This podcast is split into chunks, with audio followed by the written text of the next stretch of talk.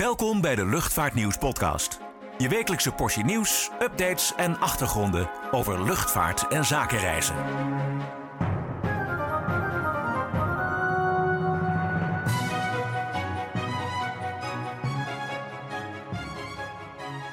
Hallo en welkom bij weer een nieuwe editie van de Luchtvaartnieuws podcast.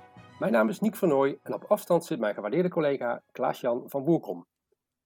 Zoals altijd bespreken we in de podcast opvallend nieuws uit de luchtvaart. Met deze keer onder andere goed nieuws voor Martinair-piloten, ongeduld op de Aviation Summit van Airlines for Europe, ophef over korte vluchten vanaf Maastricht-Aachen Airport, beroepsklagers bij Rotterdam de Heek Airport en succes voor de eVTOL. Maar we beginnen met de Boeing 787. Dat vliegtuig heet officieel, heeft officieel als bijnaam Dreamliner, maar echt lekker slapen kan KLM op dit moment niet.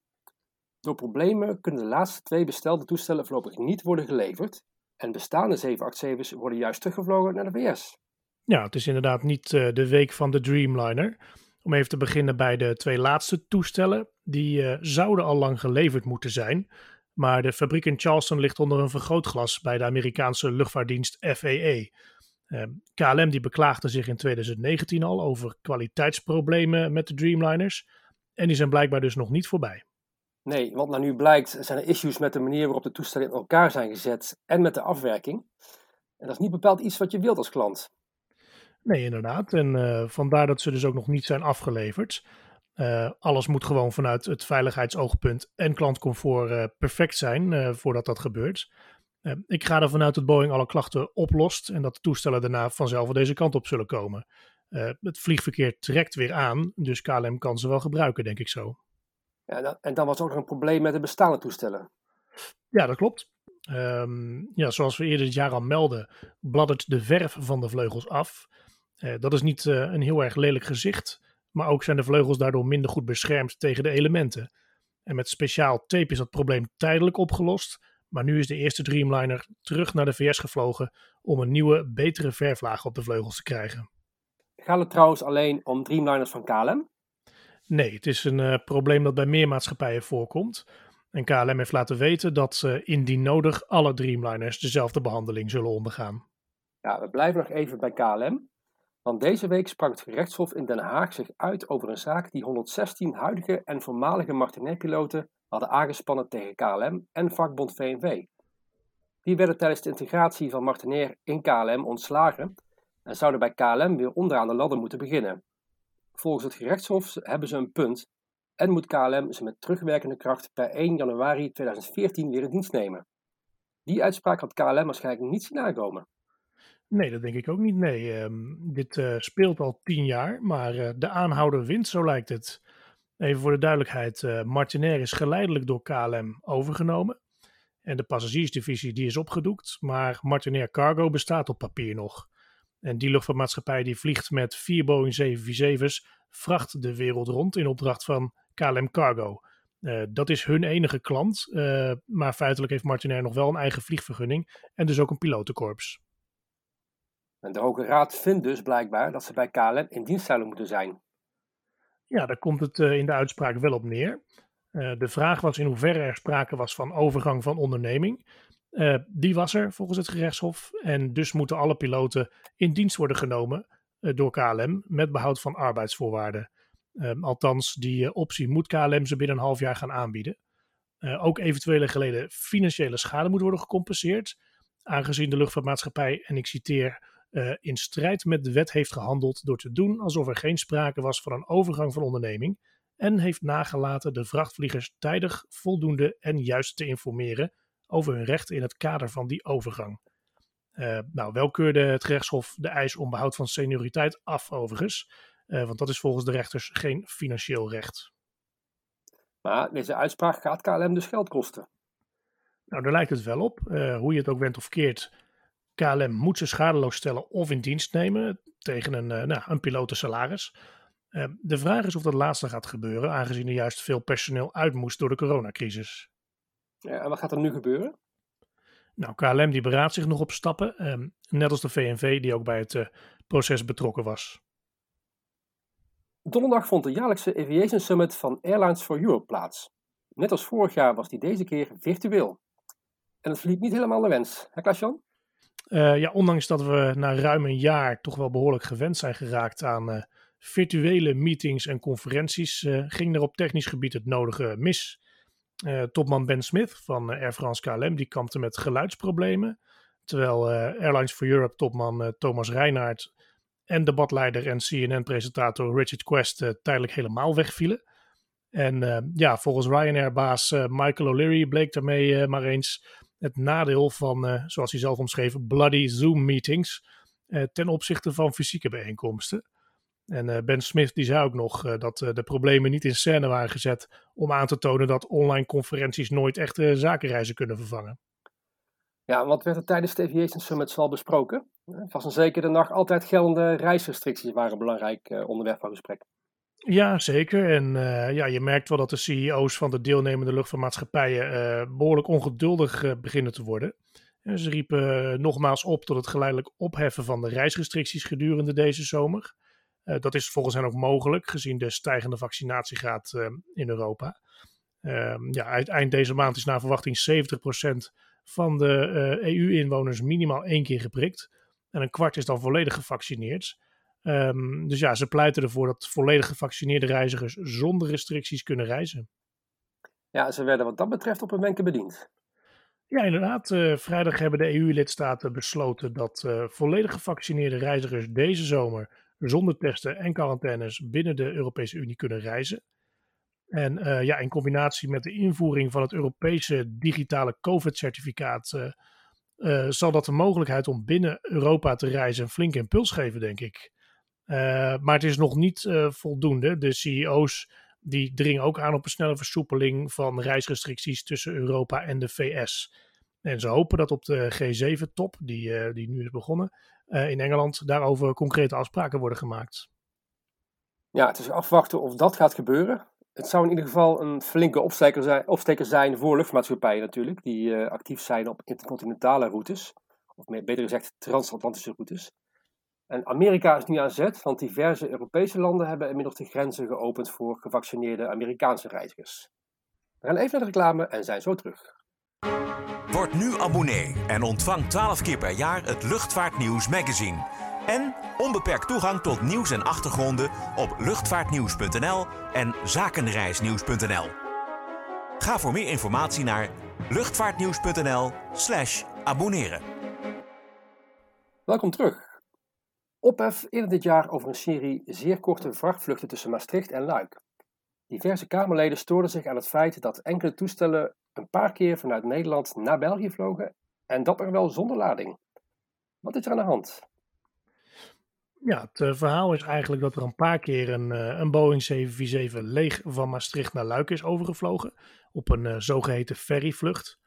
En GroenLinks, D66, de PvdA, Partij voor de Dieren en de ChristenUnie hadden daar Kamervragen over gesteld. Ja, want zij vroegen zich af of minister Koren van Nieuwenhuizen een stokje daarvoor kon steken. Ja, precies. Want uh, als de Haagse klimaatpolitie uh, een kans ziet om met een beschuldigend vingertje te gaan wijzen, dan uh, zullen ze dat zeker niet laten.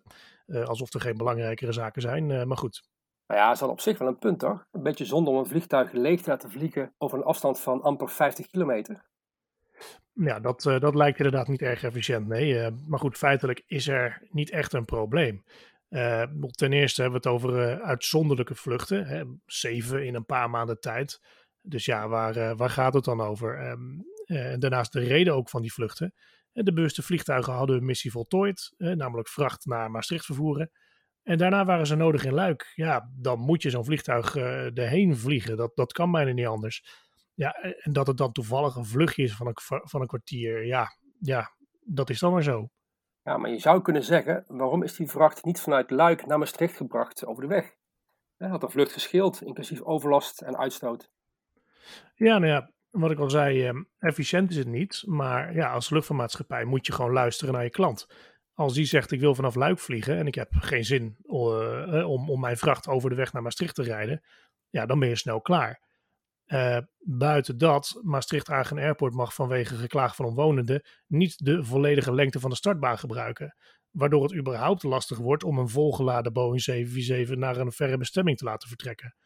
Kijk, als dat verandert, dan zijn die korte ferryvluchten misschien uh, wel overbodig. terugkomend op die Kamervragen, kan de minister überhaupt dergelijke korte vluchten verbieden?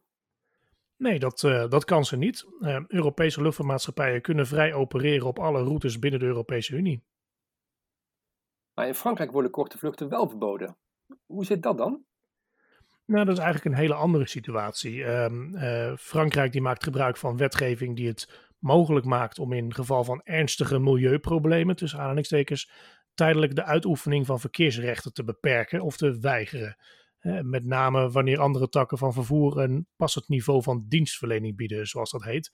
In dit geval is dat uh, de snelle trein die door Frankrijk rijdt. Uh, maar goed, voor zo'n maatregel moet je eerst langs allerlei overheidsloketten, waaronder de Europese Commissie. Want je mag ja, uiteraard niet zomaar ingrijpen in de vrije markt. Het is dus wat het is.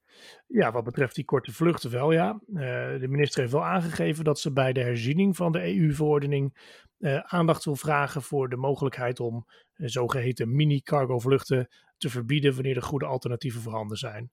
Maar goed, of zo'n verbod er dus echt ooit komt, dat valt te bezien. Duidelijk.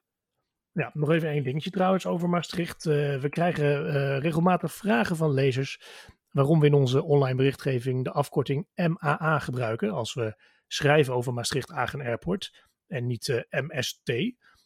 simpel antwoord, de letters MAA staan voor Maastricht-Agen Airport. En die afkorting gebruikt de luchthaven zelf ook in de communicatie. Het internetadres is zelfs maa.nl. Ook, ook minister van Nieuwenhuizen die gebruikt MAA als afkorting. Um, Uiteraard is de officiële luchthavencode inderdaad MST, want MAA is die van Madras. Uh, overigens gebruiken we ook geen GRQ als we het over Groningen Airport Eelde hebben, maar GAE. Dus dat wilden we nog even verduidelijken. Helder. Trouwens, nog even over geluidsklachten. Er is een jaarrapport gepubliceerd over het aantal klachten rond Rotterdam de Heek Airport. Ja, klopt. De Milieudienst Rijnmond die houdt bij hoeveel er wordt geklaagd en waarover dan en door wie. Uh, en ook waar die klagers uh, wonen. Of tenminste, uh, niet, niet het huisadres, maar wel, de, wel de, de plaats of de wijk.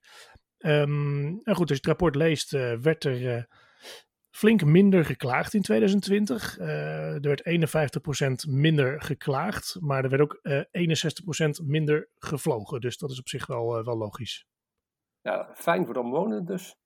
Ja, op zich wel. Um, goed, opvallend is wel dat, dat de trend van de afgelopen jaren zich doorzet. Namelijk dat een klein clubje mensen goed is voor veruit de meeste klachten. Uh, ik heb het eens even nagekeken. Bijna 70% van alle klachten is afkomstig van, van 45 mensen. En die klaagden gemiddeld per persoon 470 keer per jaar. Dus dat is gemiddeld. Hè? Dus er zullen ook uitschieters naar boven en naar beneden bij zitten. Maar goed, dat zijn dus mensen die elke dag aan de telefoon of aan de mail hangen om te melden dat ze een vliegtuig horen of kerosine ruiken. Opvallend is ook trouwens dat er uh, eh, 2600 keer meer werd geklaagd over sportvliegtuigjes en zelfs drie keer over een Zeppelin. Ehm, ja, Zeppelin, ja. Dus ja, goed, weet je, iedereen mag klagen en zijn eigen tijd indelen. En ik heb ook wel eens tijd over, maar ja, ehm, ik uh, ja, ik zou me kunnen voorstellen dat er andere dingen zijn om je de hele dag druk over te maken. Ja, ieder zijn ding. Ja, precies, ieder zijn ding. Als laatste opvallend nieuws over e-VTOLs. Elektrische vliegtuigjes die verticaal kunnen starten en landen. Want die machines vliegen als warme broodjes over de toonbank. Nou, zeg dat wel. Uh, als we alle bestellingen, beloofde bestellingen en opties voor deze week bij elkaar optellen, dan kom je aan duizend verkochte toestellen. Wie zijn de klanten? Nou, leasemaatschappij uh, Avalon, die heeft er 500 eh, besteld bij fabrikant Vertical Aerospace. En datzelfde bedrijf heeft nu ook orders binnen gehad van Virgin Atlantic en American Airlines. Doe maar zeg. En van waar die interesse? Ja, geen idee eigenlijk. Um, in het verleden heeft ook United al een hele hoop toestellen besteld. Ik dacht 200 uit mijn hoofd. En de motivatie is dat er moet worden geïnvesteerd in de toekomst. En die ligt blijkbaar bij eVTOLs. Hè topman Shay Wise van Virgin Atlantic, die, uh, die wil bijvoorbeeld met de toestellen binnen enkele jaren passagiers uh, die binnen een straal van 160 kilometer uh, rond Heathrow, Gatwick of Manchester Airport wonen, oppikken en ze eigenlijk ja, zonder files naar het vliegveld en dus naar het vliegtuig brengen. Klinkt leuk allemaal, is het haalbaar? Mm, ja, dat is dus de vraag. Um, ja, weet je, aan de ene kant, als je iemand 100 jaar geleden had gevraagd of het mogelijk zou zijn om uh, in 2021 550 mensen in één keer met een snelheid van 1000 km per uur van Amsterdam naar Dubai te brengen, ja, dan zou die het waarschijnlijk ook niet hebben geloofd. Uh, dus ja, zeg nooit dat het niet kan uh, in de luchtvaart. De vraag is natuurlijk wel hoe realistisch het vliegen met tientallen van zulke vliegtuigjes wordt. Uh, kijk, zeker bij grote steden, boven grote steden, is het luchtruim al vrij druk. En ja, daar wil je toch geen zwermen, uh, zoemende kleine toestelletjes bij hebben. Ja, eerst zien dan geloven dus. Dat sowieso. Um, want ja, eerst moeten die toestellen nog gebouwd en getest worden. Uh, plus er moet ook gewoon regelgeving komen. Uh, uh, zoals we weten gaat regelgeving in de luchtvaart meestal niet heel erg snel. daarnaast, ja, we hebben al vliegtuigen die verticaal kunnen starten en landen, namelijk helikopters. dus ja, ik zie eerder fabrikanten van helikopters overschakelen op elektromotoren. dan, en die te koop aanbieden aan, aan, aan vliegbedrijven. want het lijkt me ook dat zoiets goedkoper is en efficiënter om te ontwikkelen. Nou ja, in ieder geval een interessante ontwikkeling om in de gaten te houden de komende tijd. Goed, dat was het weer voor deze week. Zoals altijd, check het laatste luchtvaartnieuws op luchtvaartnieuws.nl en kijk ook op zakenreisnieuws.nl voor al het zakelijke reisnieuws. En vergeet je niet te abonneren op deze podcast.